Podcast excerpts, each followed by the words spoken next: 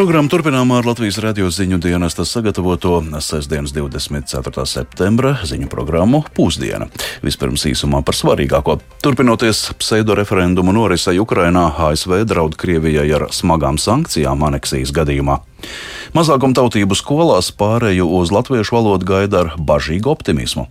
Latvijas motocross izlase sāk nācija kausa sacensības, Ostāpenko sasniedz Seulas turnīra finālu. Šie un citi temati turpmākajās minūtēs.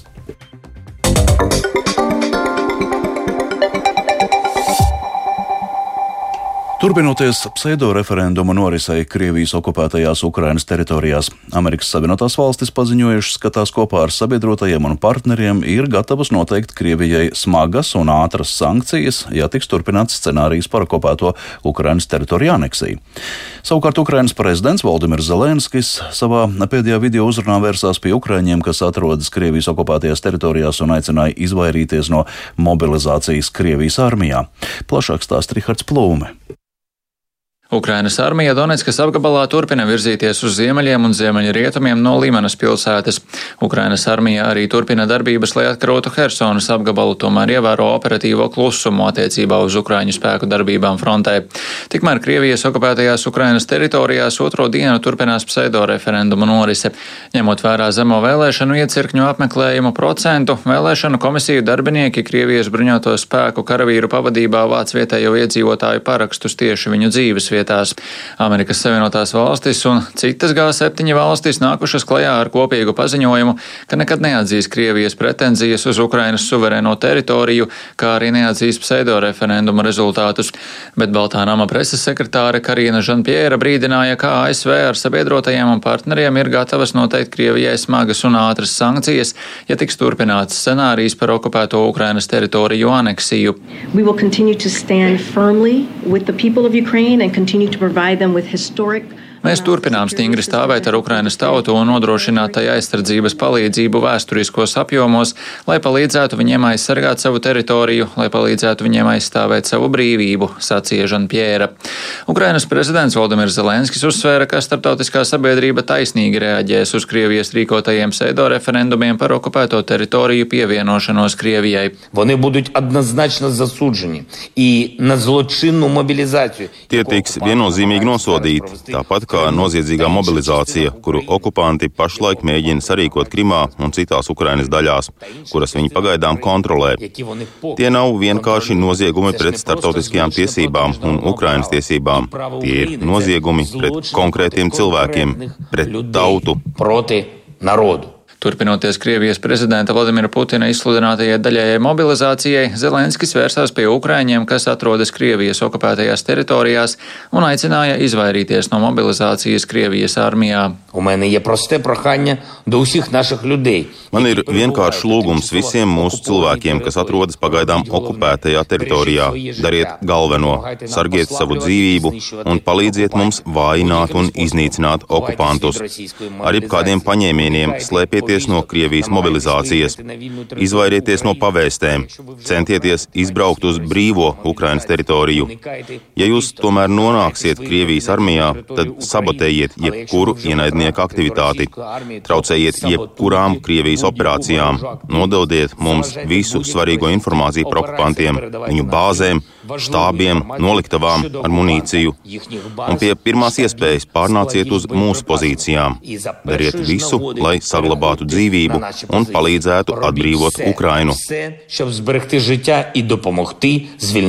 Ukrainu. Zelenskis arī sacīja, ka pašlaik Krimā vietās, kur kompakti dzīvo Krimas tatāri, Krievijas spēku struktūras mēģina atrast un mobilizēt iespējami vairāk vīriešu. Pienāk ar vien vairāk liecību tam, ka mobilizācija krietni plašāk skar tos Krievijas iedzīvotājus, kas dzīvo Krievijas austrumos, kur atbalsts režīmam ir plašāks.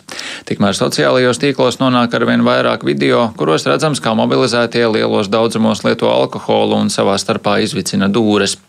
ASV Domnīcas kara pētījuma institūts analītiķi uzskata, ka atšķirīgie mobilizācijas nosacījumi dažādos Krievijas reģionos sociālo spriedzi var sāsināt vēl vairāk. Analītiķi norāda, ka problēmas un kļūdas vērienīgās un sarežģītās mobilizācijas pirmajās dienās nav negaidītas un liecina, ka Krievijas mobilizācijas infrastruktūra lielam karam bija sagatavota nelabāk kā Krievijas bruņotie spēki. Rihards Plūme, Latvijas radio.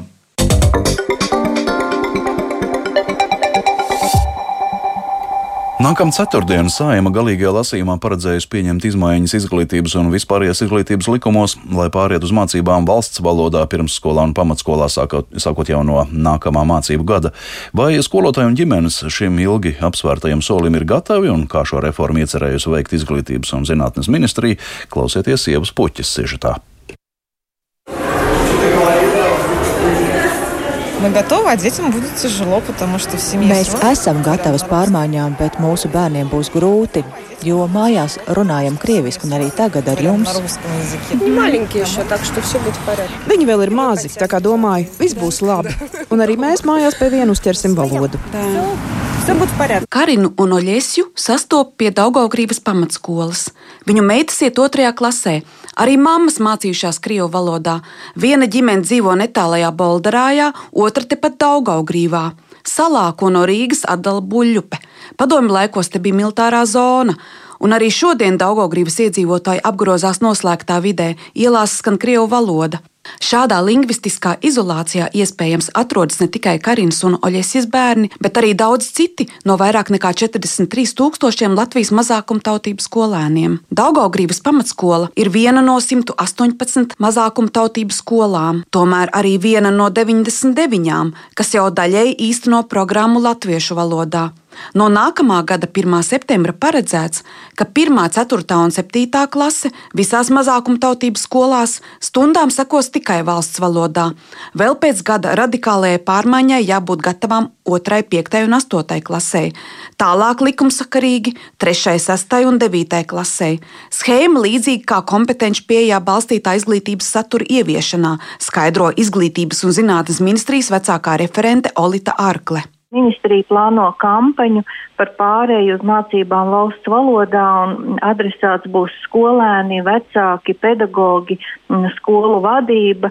Mēs plānojam arī atbalstu pedagogiem, un īpaši jau no šī mācību gada mēs plānojam atbalstu pirmsskolas izglītības pedagogiem. Vismaz 500 pirmsskolas pedagogu tiks iesaistīti kursos un nodrošināta papildus gan latviešu valodas apguve, gan arī palīdzība, kā strādāt ar bērniem lingvistiski neviendabīgā vidē. Valsts valodas centrs norādījis, ka 114 Latvijas mazākuma tautības skolu pedagoģi diemžēl joprojām nespēja lietot valsts valodu profesionālo pienākumu veikšanai, stāsta Olita Arkle. Mazākuma tautības skolās, tāpat kā citviet, trūks darbinieku. Visizteiktākais ir latviešu valodas skolotāja deficīts. Daugaugrības pamatskolā gan vakanču nav. Te strādā 42 pedagoģi, un arī ar valsts valodas prasmi viss esot kārtībā. Direktors vietniece Viktorija Krongorne, kura pati uzaugusi bilinguālā ģimenē, paziņo, viņas krievu kolēģi mācībām latviešu valodā ir sagatavojušies. Mēs spēsim realizēt un esam gatavi. Šis jau ir ļoti ilgi vilcies šī ideja par pārēju uz latviešu valodu. Ja mēs runājam par problēmām, ir maz valodas nesēji. Mūsu skolā ir desmit priekšmets pasniedz cilvēki, kam dzimtā ir latviešu valoda. Tas ir ļoti labs rādītājs. Ja ikdienā vairāk dzirdēt tīru latviešu valodu, vieglāk gan skolotājiem, gan arī skolēniem. Žurnāliste Inga Paparde uz Daugaugrības pamatskolu pirms diviem gadiem programmā Mācītspēks devās kā vēstures skolotāja, bet draugi tieši tā arī sacīja. Aizgāja strādāt par latvieti. Viņa gatava mest akmeni politiķu dārziņā. Vienu brīdi mazākuma tautību bērniem ir jāmācās bilinguāli, Pēc tam daļa priekšmetu jāapgūst latviešu, daļa dzimtajā valodā. Tagad strikta pārēja uz latviešu valodu un nulle komunikācijas. Stundas dzimtajā valodā vispār būs? Inga Paparde secina. Kritiskais punkts, ko es redzu, ir gan pašu bērnu gatavība mācīties tikai un vienīgi latviešu valodā, jebkuru priekšu, un otrām kārtām arī vecāku atbalstu, jo arī tagad nereti es saņemu tādus komentārus no vecāku puses, ka mans bērns jūsu stundās neko nesaprot. Nākamnedēļ tiek gatavots ne tikai izšķirošais saimnes balsojums par latviešu valodu visās skolās, bet arī Izglītības un zinātnes ministrijas konsultatīvās padomas sēde mazākuma tautību jautājumos, uz kuru uzaicinās gan skolēnus, gan vecākus, gan arī skolotāju pārstāvis, lai lemtu, kā vislabāk realizēt pārēju uz mācībām latviešu valodā. Ieva Puķa, Latvijas radio. Latviešu valodas aģentūra īpaši pirmsskolas un sākumskolas pedagogiem izveidojusi plašu atbalsta pasākumu piedāvājumu pārējai uz latviešu valodu. 28. septembrī startēs arī pilotprojekts mazākumu tautību sākumskolas pedagogiem, matemātikas un dabas zinātņu skolotājiem, kuri 2023. un 2024. mācību gadā sāks mācīt šos priekšmetus latviešu valodā pirmajā klasē. Stāsta aģentūras vadītāja Daca Dalbiņa pieprasījums ir milzīgs. Mums bija tāda situācija tieši par pirmskolniekiem, kā mūsu metodiķis izsludināja iespēju pieteikties. Mums bija vairāk kā 200 vietu. Un pieteicās. Arī mums iedeva vēl papildu līdzekļu šim gadam. Un nu jau mūsu gaidītāja rinda ir stipri samazinājusies, jo mēs vēl um, 300 pedagogiem varam šo atbalstu sniegt.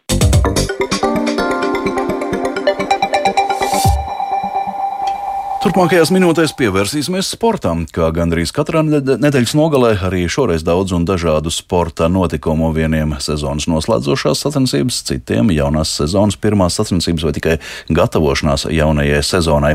Latvijas tenisīs Taļona Stāpenko šodien sasniedz Seulas WTA 250 sērijas turnīra, turnīra finālu. Viņa ar 4-6, 6-3 un 3-0 trešajā setā bija vadībā pret britu sportisti Hēmu Radukānu, kur izstājās. Finālā Ostāpenko būs mačs ar Jekaterinu Aleksandrovu, bet ar citiem sporta notikumiem plašāk iepazīstinās Mārs Bergs. Sēsdiena arī šoreiz bagāta ar daudziem sporta notikumiem, bet sāksim ar sacensībām, kas šodien sāksies vēlāk vakarā. Proti, runa ir par nāciju kausa motokrosā, kas šogad norisinās ASV. Latviju prestižajās motokrosa sacensībās pārstāv pieredzējušie Toms Matsuks un Kārlis Sabulis, bet kā trešais komandas dalībnieks ir jaunais tālants Kārlis Alberts Reišulis.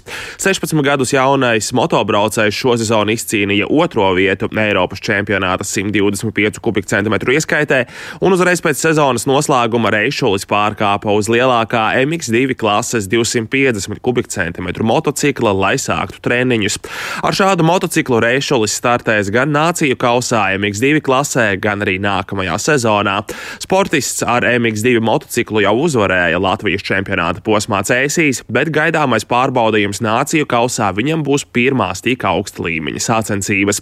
Klausāmies Kārli Albertu Reišuli. Protams, bija tās ir tādas mazas pārmaiņas, uzkāpt uz 250 četrtakteru, bet man liekas, pie mačas pierada diezgan ātri un varēja uzreiz eh, kvalitatīvi sākt trenēties un kā arī redzams pēdējās sacensībās arī pirmā uzvara, pirmā sacensības un pirmā uzvara uz 250 četrtakteru maču.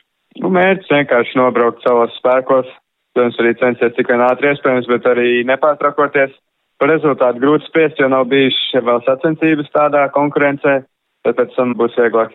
Šis ļoti, man liekas, palīdzēs nākamajām sacensībām. Latvijas motobraucējiem veiksmīga kvalifikācijas izloze pie starta barjeras mūsējiem stājoties kā trešajiem, kas sniedz teorētiskas priekšrocības pirmajā līkumā. Sacensības ASV šodien sāksies ap pusdesmitiem vakarā pēc Latvijas laika.